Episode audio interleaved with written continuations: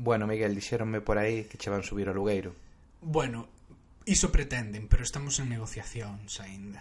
Non é definitivo. Eh? E logo, porque os inquilinos neste país tedes moita ou temos moita capacidade de negociación? Ah, bueno, nós estamos a xogar coa baza de que se non aceptamos para a propietaria vai ser un problema que marchemos catro maravillosos inquilinos que cuidamos moi ben a casa. Entón, para ela, pois, ter que buscar catro novas persoas vai ser un incordio. Entón, estamos aí negociando unha subida lixeiramente máis baixa do que ela quere. Próximo te con gotas, Miguel durme aquí no meu sofá. bueno, se si me acolles, pois non me queda máis remedio, pois... Eh. Pois precisamente neste podcast de hoxe imos falar da, de vivenda, da política de vivenda e na parte da entrevista imos ter a unha rapazada de Ferrol e de Carreira que é BIM Manager. E un BIM Manager está algo relacionado co mundo da construción, pero non vos imos dar máis detalles. Se queredes saber de que vai, quedade até o final. Dentro intro. Think about Brexit. What, what's that? Like? Order! The nose to the left, 432. With the light! With the music, very welcome everybody here. A Brexit question in English, if you don't mind. Bueno, no, hombre, no vamos a hacer. Venga, adelante. ¿Quiere usted hacer el puñetero favor de largarse de aquí y de... No va usted a hacer nada ya. Would you like a cup of tea? Yeah, sure. Go on, have a cup of tea. Thank you, thank you.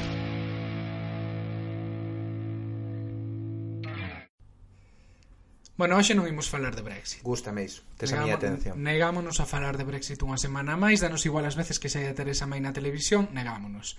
Hoxe imos falar de vivenda, porque, eh, bueno, a marxe do Brexit e de todo o que pase coa Unión Europea, a vivenda é un dos temas máis na axenda política hoxe en día e que máis preocupa a, a xente no Reino Unido. Uh -huh. Os prezos da vivenda, tanto de aluguer como de compra, están polas nubes. O precio medio da vivenda en Londres canto é? Pois penso que anda rondando medio millón de libras unha vivenda de dúas habitacións. Ahora mismo non lembro exactamente os datos, pero ronda medio millón de libras. Bueno, e o precio do alugueiro, home, lóxicamente, pois depende da zona. Eh, voume desnudar un pouco aquí a miña intimidade. Eu para que vos fagades unha idea.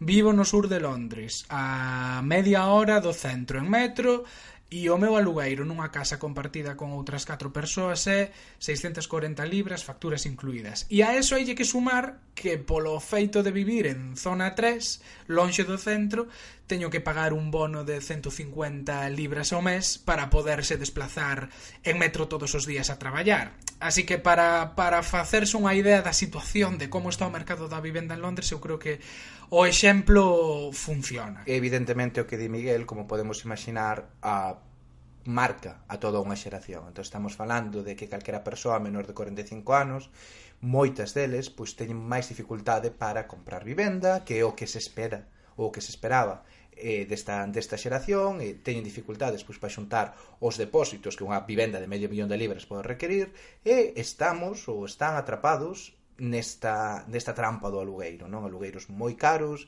que che levan algúns casos a metade do salario e que, bueno, pois eh, fan que as opcións habitacionais sexan bastante bastante difíciles ou bastante limitadas. Claro, e iso está tendo un impacto tamén na política, que se está a notar no feito pois de que o goberno actual, a pesar de ser eh, goberno un goberno conservador, vende prometer recentemente pois un plan de investimento eh, para gastar 2.000 millóns de libras na construcción de, de vivenda pública. Non estamos a falar de vivenda de protección oficial, como que podería ser en España, sino de que a administración se poña a construir vivenda para poder alugar a precios eh, asequibles.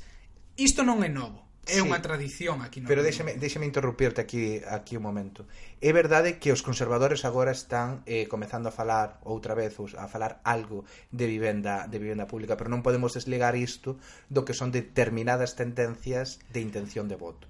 Porque isto é bastante bastante importante. Vemos que as xeracións máis novas están tendendo recentemente a apoiar de xeito masivo ou maioritario ao Partido Laborista ou outras opcións de esquerda. Pois, poderon, uh -huh. poderon ser os verdes ou poderon ser outras outras forzas de esquerda. E unha das cousas clave nesta transferencia do voto é a dificultade que está habendo por, por parte das xeracións máis novas de acceder á propiedade da vivenda. Entón, para os conservadores, que sempre defenderon, e cubriremos isto un poquinho máis tarde, iso que Thatcher chamou a democracia de propietarios, está costando moito vender as ventaxas do seu modelo se a xente nova non ten capacidade de acceder a este capital que representaba a vivenda. Entón, este cambio de postura eu penso que tamén está empuxado fundamentalmente polos cambios nas intencións de voto. Claro, efectivamente, pero é curioso ver como despois de tantos anos o goberno conservador volve un pouco a facer bandeira ou apoloxía de que o Estado tense que implicar moito máis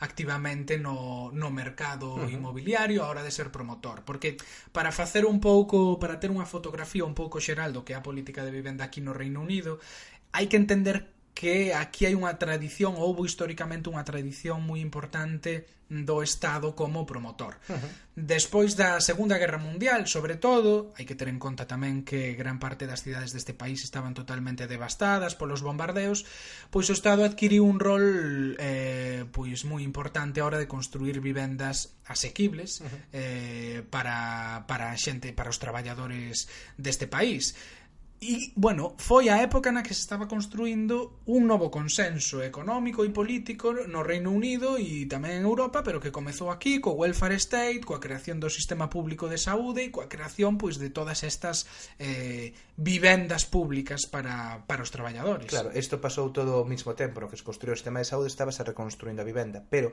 pareceu un moi importante que no momento o goberno tomou a decisión política de que a reconstrucción non iba a depender de promotores privados, senón que era o Estado quen iba a ter o liderazgo na promoción e posteriormente na propiedade tamén desas claro. vivendas. Que iso é algo moi distinto pois o que podemos ver en outros países europeos, incluído o Estado español, no cal a política de vivenda non non está tan o móvil de Miguel eh, non está tan centrado na propiedade da vivenda. Entón, cando estamos falando deste plan expansivo de construción de vivenda, falamos de casas que eran propiedade dos concellos, de cada un dos concellos ingleses. Claro, non, non, eh, claro, non, é que hai, hai, hai que mencionar que hai algún concello de Londres que chegou a ter un 90% do parque de vivendas que había era, era municipal. Sí, efectivamente, efectivamente. E, e incluso se miramos en, en, en datos globais, cara final pois do que foi o consenso este keynesiano, o consenso socialdemócrata nos, a final dos anos 70, no 79 un terzo de todas as vivendas do Reino Unido eran vivendas municipais. Un terzo, que é unha barbaridade. Creo que os outros dous terzos pois tamén estaban divididos mitad mitade entre mitad de propietarios e outra mitad de eh, alugueiro privado pero estamos falando de que a vivenda municipal era algo fundamental e que facía parte do tecido máis básico da, da das cidades e da sociedade. Da ¿no? socioloxía do, do país. Absolutamente. E claro, cando falamos de consenso non nos referimos a que durante todas esas décadas aquí houbera gobernos de esquerdas laboristas, non? É que, bueno, é que o, o propio Partido Conservador asumía esa política. Uh -huh. E de feito, o ano, creo que foi ano 58-59, que foi... Que gobernaba o, o Partido Conservador. O Partido Conservador foi o ano no que máis vivenda pública municipal se construiu no Reino Unido, quen estaba no goberno era un partido conservador. Casi competían, non, a ver quen quen prometía máis máis vivenda pública, claro. non? entre os conservadores e os laboristas. Que non quere dicir que isto fora perfecto, pois, eh, por exemplo, a calidade das construccións en moitos casos deixaba que desexar, non había grande flexibilidade a hora de, por exemplo, poñer un de, eh, decorar a a, a casa ou fronte da casa, bueno, había certas limitacións e certas uh, restriccións a hora de, de poder, bueno, pois re, eh, manexar a túa propia casa, non? Que non era que non era a túa propiedade, pero bueno. E a partir do Claro, cando cambia isto? cando chega Thatcher, como casi todo neste país, a partir ano 81. No, no 79. 79. Bueno, ahora pillasme, pero penso que no ano 79 o primeiro... Sí, pode ser que sexa, pode ser que sexa no 81 cando se aproba o... Eso pues, sí que pode ser. Bueno, a cuestión é que cando chega Margaret Thatcher, como en moitas outras cousas, eh, cambiou o consenso, cambiou a filosofía da sociedade e construiu unha democracia de propietarios. Entón, unha das cuestións máis sensibles será a da vivenda e o que Thatcher intentou facer foi eh, pasar desa idea de que as vivendas tiñan que ser propiedade do Estado a que tiñan os individuos que comezar a ser propietarios desas vivendas. E aí foi cando ela creou o right to buy uh, polo cal que é dereito a comprar dereito a compra dereito a compra da vivenda polo cal eh, a xente que estaba alugando unha vivenda municipal tiña dereito a comprala por un precio por debaixo do que serían os, os precios de mercado. Estamos agora nese consenso, de feito o Right to Buy é un programa da, do goberno que continúa que continúa vixente, ou bueno, pois certos cambios desde os anos 80, pero pero ese dereito sigue aí. E todos os anos eh, os concellos venden parque público de vivenda a propietarios que acaba indo, bueno, pois moitas veces a propietarios, moitas veces acaba eh, vendendo de novo a grandes empresas.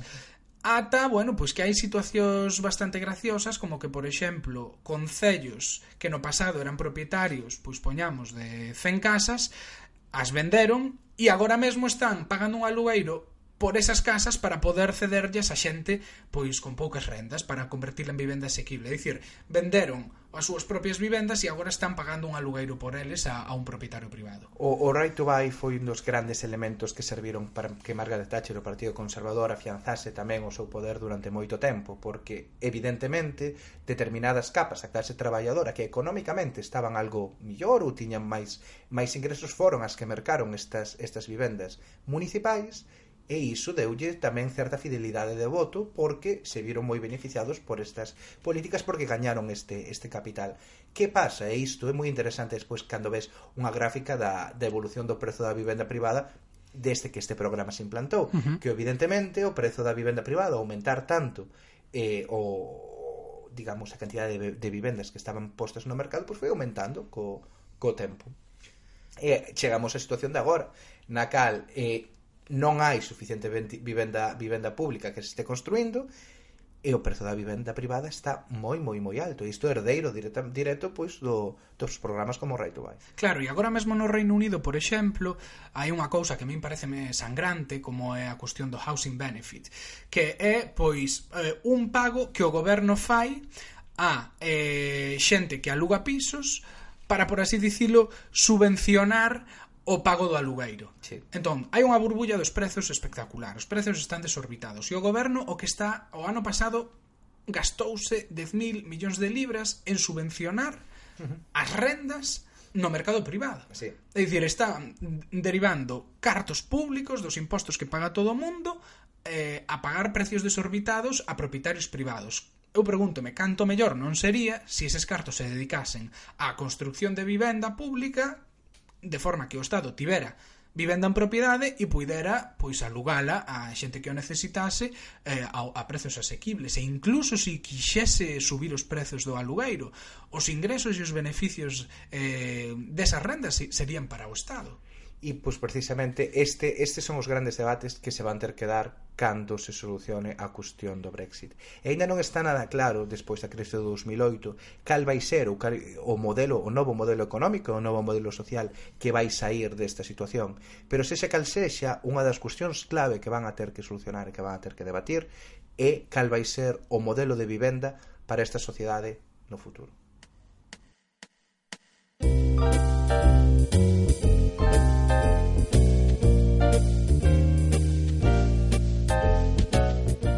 Toca a parte da entrevista agora en Te con Gotas e temos connosco a Iria Carreira, é natural de Ferrol e leva traballando xa varios anos en Londres como BIM Manager. Explicarános agora en breves que quere dicir isto exactamente de BIM Manager. Hola Iria, que tal?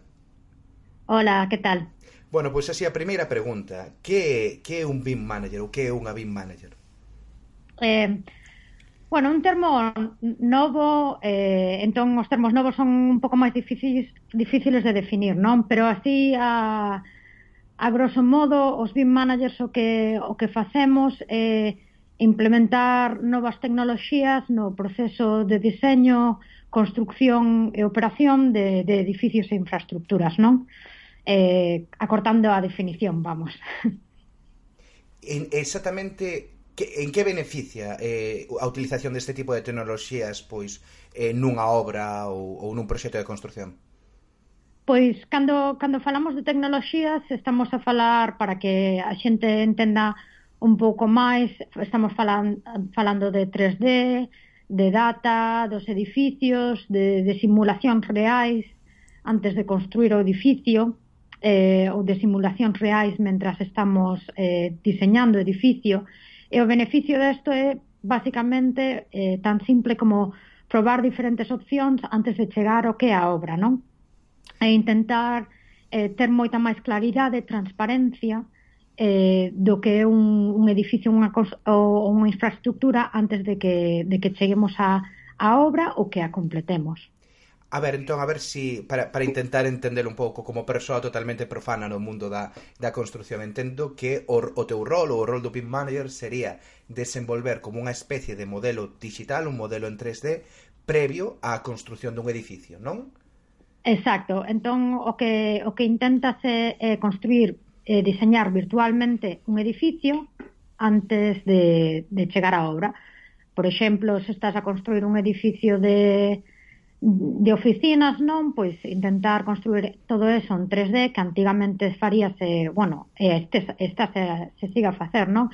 Un modelo de unha maqueta e logo todos os planos e as elevacións, agora ese proceso é, é virtual en 3D moito máis in, eh, integrado o cliente pode ver dunha mellor man, maneira que o produto final eh, e podense simular diferentes cousas por, por como exemplo podes simular eh, a temperatura nunha habitación dependendo do número da xente que tes aí, dependendo de, do número de ventás que tes nese edificio eh, e cousas do estilo. Axudaría, mm, por exemplo, a facer as construccións máis eficientes desde o punto de vista pois económico ou enerxético con respecto ao que é o diseño máis analóxico? Sí, porque o que mm, o que consegues a, fa, o, a facelo virtualmente, o que chaman eh, como un como un digital twin, non? En, en inglés. E, e facelo ba, basicamente unha réplica virtual, non? Entón, cando ti faz a, re, a réplica virtual tes moita máis claridade eh, no número de luces que vas a ter no edificio, nos, eh, no, nas áreas do edificio, eh, canto hormigón necesitas, canto podes facer unhas cuantías moito máis detalladas, porque realmente tes os volumes do, do edificio que cando faz de forma analóxica ou, ou en 2D non, non tes tanta claridade nes, nesos volúmenes e nesos materiais. Entón, eso evidentemente axudaría logo a contabilizar para, para ter un mellor presuposto, por exemplo. Ah, esa, esa eh, pareceme algo moi interesante. Entón, eh, a través de, destes, destes modelos eh, digitais seríades capaces pois, de predicir eh, millores cales van ser os custos e polo tanto entendo que cando se fala, pois, por exemplo, de obra pública e todos estes sobrecustes, a utilización de esta tecnoloxía podería permitir pois evitar, non, estes este tipo de sobrecustes. Sí, sí, eh, axuda eh por suposto ten, o, todo que tecnoloxía non é non soluciona todos os problemas, pero dá moitísima máis información, non? Eh, se ti tes os volumes do hormigón e, e logo tes o prezo hormigón real e, e podes extraelo dunha forma digital é todo moito máis rápido, non? E, de feito, en Reino Unido, polo que o goberno do Re, de Reino Unido decidiu implantar esta tecnoloxía BIM, foi para obra, para obra pública, porque deronse de conta que implementando este tipo de novas tecnoloxías poderían ter moita máis transparencia. Entón, dende 2011 o Reino Unido empezou un plan eh, no que crearon uns estándares para, para BIM para que en todos os proxectos de obra pública dende abril de, dos, de 2016 todo, toda constructora ou calquera compañía que quera construir un edificio ou unha infraestructura que está financiado de forma pública, pois ten que, que producilo con BIM para dar máis transparencia ao que é a administración pública. Ti crees que casos de sobrecostes ou erros de planificación como da cidade da cultura terían acontecido si, bueno, si a administración tivera empregado este tipo de tecnoloxías? Eh, creo que podería axudar mm, moito. Eh, creo que, que en primeiras instancia a parte da tecnoloxía non sería eh, de definicións dos pliegues e todo isto creo que tamén é bastante importante non cando, defini cando definimos unha, unha obra pública pero creo que a tecnoloxía axuda bastante sobre todo a ver o, o produto final non eh, e, e dá bastante claridade en, en, en temas como decíamos, de, de costes, pero tamén de tempos. A día de hoxe, ti podes construir virtualmente eh, un edificio. Entón, podes podes poñer as grúas, podes para, para que me entendades o que quero dicir, non? Podes mm. poñer as grúas, pois. podes poñer canto tempo vai, vai, vai tomar construir as vigas, entón virtualmente o edificio construese, non? eh, e o podes ver, podes ver que espazos tes, podes ver os, as, as áreas totales que vanse quedar no, no edificio, entón creo que eso evidentemente houber axudado a un, a un proxecto como da Cidade da Cultura no que no que tes uns metros cuadrados bastante extensións bastante amplias de, de, de terreno, non? eh, en cuestión de material, materiais, sin duda, a complexidade das, das fachadas de, da Cidade da Cultura, por exemplo, creo que non sei, non sei se utilizaron 3D no seu día, pero creo que utilizando 3D podería haberse, haberse visto. Ti aquí, na túa experiencia laboral no Reino Unido, en que tipo de sectores da construción aplicaches esta tecnoloxía? Foi máis algo de vivenda residencial, de casas unifamiliares ou, ou outro tipo de, de edificios? Eh, pois o, o caso do Reino Unido é curioso, porque aparte inicialmente eh, aínda que foi o sector público que como, como comentábamos polo tema de transparencia decidiu implementalo, eu traballo moito en obra privada tamén. Entón, a empresa privada tamén ten unha clara idea de, de ter un edificio que basicamente saben dende o principio canto vai levar e, e que custo va ter, non? Entón, edificios de oficinas traballase bastante con BIM porque aparte logo a eles quedaslle un produto virtual para manter o edificio. Agora todos os proxectos de, de Reino Unido de eh, HS2, todo do rail, eh, railway, proxectos o, o de H, carre... HS, eh, HS2 que é o é como o AVE, digamos, do, sí, do o, Reino Unido. O novo Sí, o novo AVE Reino Unido estás a facer, eh, proxectos de carreteiras están a facer, eh, hospitais e universidades tamén, polo que hablábamos tamén do tema de mantenimento, porque o que aparte hasta facer aquí a administración pública eh, con esos modelos logo manter os edifi eh, manter as edificios as infraestructuras, non? Entón teñen unha visión non só do que costa cando estás a, a, a deseñalo e a construílo, senón tamén calcular a largo plazo no tema de, de operacións, non? Porque a realidade é que nun edificio unha, ou unha infraestructura, en da que nós eh, todos pensamos moito no coste cando estás a construílo, o coste total de, de un edificio, unha infraestructura, o tanto por cento máis grande, non é a construcción en sí, senón o mantemento desa infraestructura ou ese edificio, non? Porque logo, por exemplo, en proxectos de, de railway, eh, poder manter toda, toda esa extensión de railway eh, é moito mellor de forma digital, porque aparte podes por eh, todos ou OS Maps, todas as, as diferentes datos de por onde pasa, eh, que, se, que se pensamos en facer isto agora eh, de forma máis analóxica, pois a, a información está moito máis desconectada, non? Se ti tes un punto eh, digital onde podes ver todo nun clic, é moito mellor que ir por eh, diferentes archivos de, de planos, elevacións, non? Isto está, está todo moito máis integrado. E unha preguntiña, como se chega entón a ser BIM Manager? Cal é a trayectoria profesional normalmente que unha persoa pode seguir para chegar aí ou cal foi a túa, a túa propia? Eh, A ver, agora creo que hai varias alternativas. A miña propia hace eu marchei de, de España hace máis de 10 anos agora e, e inicialmente eu marchei a estudiar en, en Dinamarca, non?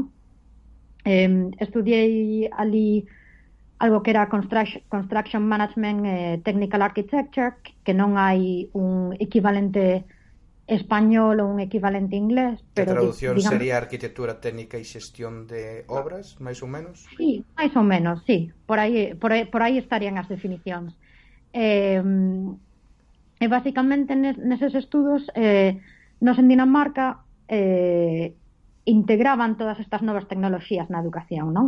Entón, non é que fixeras un máster aparte onde, onde ti te especializabas en isto, senón que na ensinanza normal, cando estábamos, por exemplo, a calcular estructuras de, de hormigón, pois calculábamos estructuras de hormigón utilizando estas novas tecnoloxías. Cando estábamos facendo a planificación dun presuposto, pois utilizábamos este tipo de tecnoloxías. Entón, así eu é como comecei máis a enfocarme no, no proceso constructivo utilizando o beneficio destas novas novas tecnoloxías, non? E, e basicamente logo eh, empecé con máis no mundo da arquitectura no diseño, con diseño paramétrico, e logo fai seis anos, cando, cando mudei a Londres, empecé a focar máis en, en obra, non? Porque a min personalmente gostame máis o que é a construcción e, e velo pasar de forma real. E, e a día de hoxe se a xente quere iniciarse, pois en, hai, hai máis másters, máis, hai máis información a día de hoxe. Eu creo que, que hai 10 anos cando, cando eu empecé. E no teu caso persoal, como se che deu por escoller este camiño? Porque ti, comez... ti estudaras inicialmente Historia da Arte na Universidade de Santiago. Sí, sí. Eh, a ver, eu, eu creo que foi unha decisión que no seu momento eh, non foi unha, foi unha decisión fácil, pero con, con un pouco de medo, porque claro, cambiar dunha como vemos as cousas a día de hoxe, cambiar dunha carreira de humanidades unha carreira técnica, non? A xente ve as cousas moi moi separadas, como moi en de, departamentos. Se tires unha persoa de humanidades, non unha persoa de humanidades. Se tires unha persoa un enxeñeiro, unha enxeñera, eres de ciencias, non? Está todo como moi moi como, como en compartimentos, non? Eh, Pero a min deuseme por aí porque cando estudaba Historia da Arte o que máis gustoume foi a arquitectura, non? E, e logo decidín que, que Historia de Arte, ainda que, que gosto moitísimo, creo que é unha carreira moi difícil cando rematas porque o mercado non está aí. Eh, no tema de cantos estudiantes hai no mercado e logo as plazas que hai, non? Eh, entón deume por, por ir máis por o tema da arquitectura, por eso deciden edu, eh, estudiar iso. Pero logo, cando estaba estudiando o tema de arquitectura, tamén me de conta que, que a arquitectura e a construcción son industrias moi analóxicas, non? E vin claro que o tema da tecnoloxía ia cambiar eh, como construímos e como, e como diseñamos, eh, e terminei por aí. Claro, e agora anos despois, pois estás traballando en proxectos moi punteiros a nivel de construción. E que, que, que estás exactamente agora mesmo? Eh, pois agora mesmo estou co, cos novos eh, como se den en, en galego, os novos headquarters, os novas eh, oficinas, como as novas sede oficinas. ou oficina, sí. non? Algo así. Sí. A, Pero a nova é, oficina... é menos glamuroso dicir eh, oficina sí, que headquarters. Claro. As novas oficinas de centrais de, de Google en, en King's Cross, non? Ese é o proxecto no que levo agora máis de dous anos. Eh, eh, estou moi ilusionada, o que pasa que traba, traballar para Google é un pouco como ser un, un James Bond 007 no que ti ti estás facendo cousas na túa vida pero non podes falar delas, non? É todo moi ten un alto grado de secretismo eh, porque ten un alto grado de investigación, non? O que todo o que fan.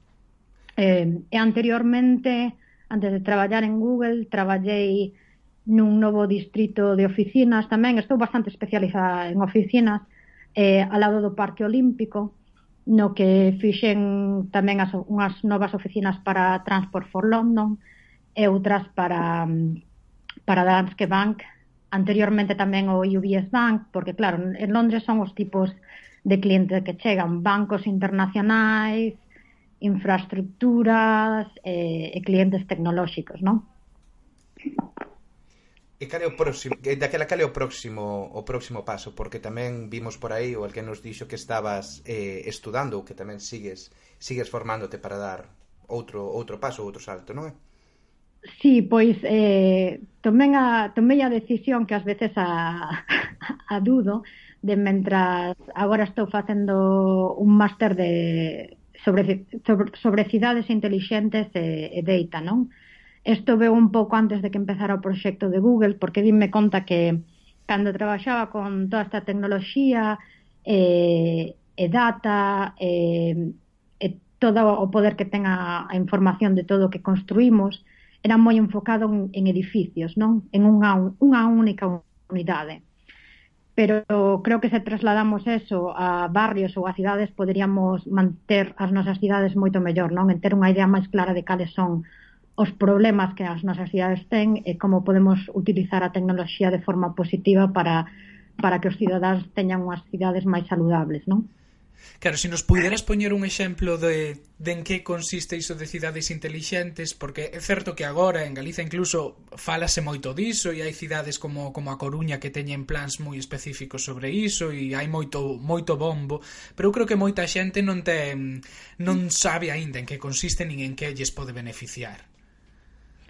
Claro, non, eh, eh, eso é, é crítica. A definición de cidade inteligente é unha definición que, que se ti o, o pos en Google ou, ou lees un pouco de un, un, uns libros é un, un concepto que non está completamente definido, non? Porque a realidade é que termos como eh, cidade inteligente, tecnoloxía, eh, disruption, pois utilizanse moito de, de forma de marketing, de forma de moda, non? e que logo ao final o ciudadano da pé non sabe o que está a pasar na súa cidade. Un, un exemplo de como poderíanse utilizar as novas tecnoloxías ou, ou investigacións que estás a facer, por exemplo, en Londres. En Londres sabedes que temos un problema de, de polución bastante grande, de emisións de CO2, de CO2 porque hai moita moitos coches facendo repartos de diferentes dende xente que pide un paquete para ser enviadas á oficina, non? A, a cousas máis, máis complexas. E hai unha investigación, por exemplo, agora de, da universidade na que estudeo eu, de UCL, intentando analizar con sensores cales son as rutas que esas compañías privadas fan, e deronse de conta que moitas compañías privadas fan exactamente a, a mesma ruta, non? Entón, agora dende, dende o Concello de Londres están a mirar como poden en vez de a mesma diferentes furgonetas facer a mesma ruta, como se pode racionalizar eso para logo eh, limitar esas emisións de CO2, non? Que o mellor é algo que non é moi palpable para o cidadán, pero que influenciará na calidade de vida do cidadán a, ao final, non? Eh, tamén proxectos de mantenimento, eh, que de novo, ao mellor, eh, cando encendes as luces, cando apagan as luces eh, das, das rúas, eh, e que eso pase non cando realmente son neces necesarias. Eh, son todo ese tipo de, de solucións que mellor non son tan palpables pero que ten un impacto final non, non, na cidadanía. E existe por así dicilo, política a hora de, de poñer en práctica estas cidades intelixentes. Quero dicir, porque, bueno, teño lido que hai críticas que falan de que se intenta facer un pouco tecnocrática a cidade eh, ou bueno, que, que, que hai formas de aplicar a tecnoloxía pensando máis nos cidadáns ou pensando noutros criterios. Eh, hai, hai, por así dicilo, eso, diferentes formas políticas de aplicar unha cidade intelixente ou, ou non, ou é simplemente un camiño recto e homoxéneo para todos? Eh, non, evidentemente sí que sí que hai formas políticas. Eh, hai, cando, cando as cidades intelixentes comenzaron ou cando a aplicación comenzouse eh, era, era bastante tecnócrata, non?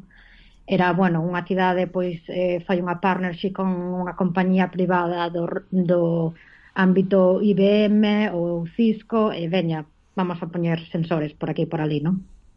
Eh, era máis enfocado un, unha política máis, de, por así decirlo, eh, partnership privada-pública, pero máis neoliberal, e como podemos eh, capitalizar a data, a data dos nosos cidadáns e todo iso. Non? Creo que nos últimos cinco ou dez anos as cidades están a dar conta que esa non é unha solución, con mellor ao principio funciona moi ben por temas de marketing, pero máis e máis os cidadáns están a dar de conta que, que o mellor eso non ten valor para eles. Un exemplo de cidades que están a cambiar sería Barcelona ou Singapur que ao principio eran bastante tecnócratas, últimamente estánse a enfocar máis no que chamase citizen centric, que é máis orientado á cidadanía. Eh, hai moitos máis programas, por exemplo, intentando eh, incluir a toda a xente, por exemplo, a, eh, a xente a xente maior, non? Se nós empezamos a, a hacer un, unhas políticas que están basadas na tecnoloxía no smartphone, que vai pasar coa xente maior que non sabe utilizar un smartphone. Eh, nese sentido, Singapur, por exemplo, agora ten un programa especializado en intentar eh, xenerar eh, formas digitais, pero que sean usables por a xente maior, non? Porque, claro, está, to, está moi ben que todos fagamos cousas online, é máis rápido, non tens que moverte, pero claro, tamén hai que pensar en na xente que non pode chegar a iso, non? Entón creo que as cidades máis e máis están a pensar na cidadanía non só en ter, bueno, pois pues facemos isto de forma digital e, e tecnolóxica, non? Mm. E bueno, independentemente dos teus plans de vida persoais, Poñámonos no caso de que quixeras voltar a traballar a Galiza, ao Estado español disto. Eh, habería posibilidade? Eh, terías que comezar ti coa túa propia empresa ou habería trabas tamén desde a administración, desde o punto de vista da regulación? Co como está iso? Um, a ver, eh, eh, creo que nos últimos anos en, en Galicia, en España en xeral, por exemplo, co tema do, do BIM, por exemplo, eh, estás a abrir máis, están mirando de facer unha, unha regulación a nivel estatal, en Galicia hai un, un grupo de, de BIM, de usuarios, non? Eh, o que pasa que para min os maiores impedimentos é que, é que a día de hoxe non tes a mesma a mesma clientela que poderías ter nun sitio como Londres, non? Eh, os proxectos máis grandes que podes facer a, ata que a obra pública crezca de novo, ou se atraían máis clientela privada do, do estranxeiro, pois non hai o mesmo investment, non? Que podería haber nunha cidade como, como Londres.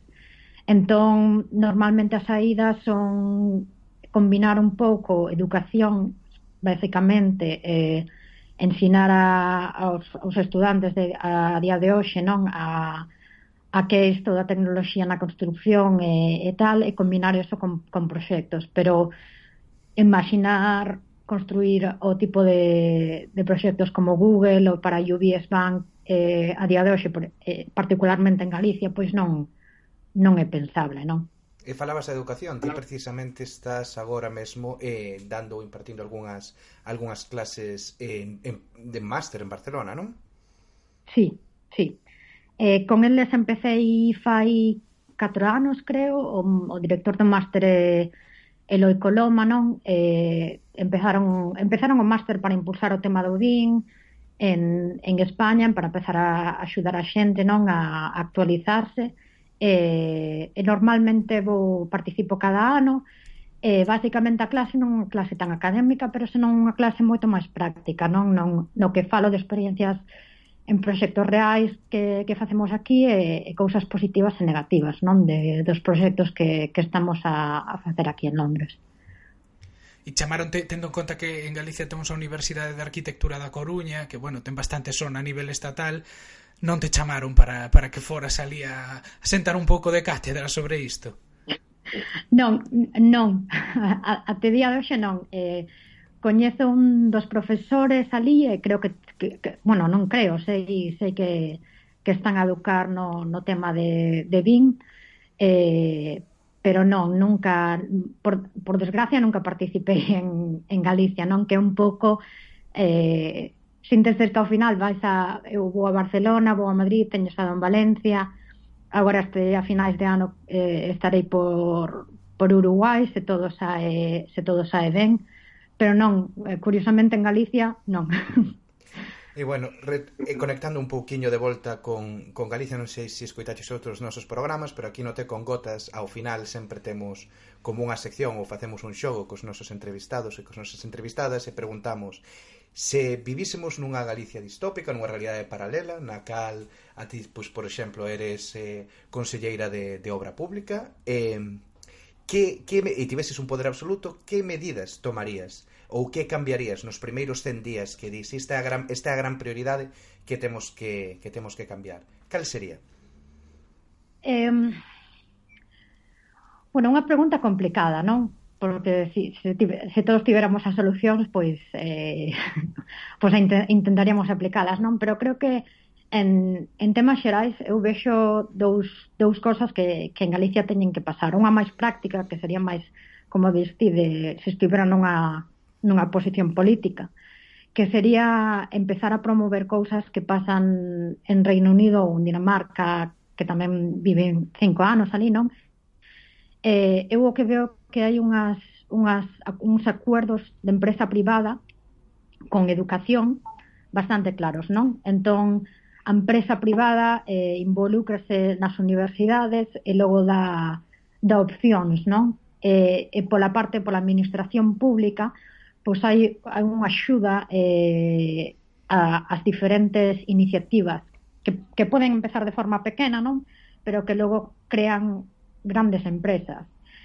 É un pouco como se miramos a, a Galicia, unha das empresas máis grandes que temos que é Inditex, na Coruña, eh, e universidades punteiras, que pasaría se realmente as empresas privadas invirteran eh, no estudiantado e crearan programas pois de creación de empresa e de creación de negocios, pois creo que as cousas cambiarían, non? Eh, e logo, por outra parte, o, o que creo que, como, como decía, levo máis de 10 anos vivindo fora, un cambio que non é tan, tan pragmático, pero que é un cambio máis educacional ou cultural, é mm, o tema e a valentía de querer facer as cousas primeiro, non?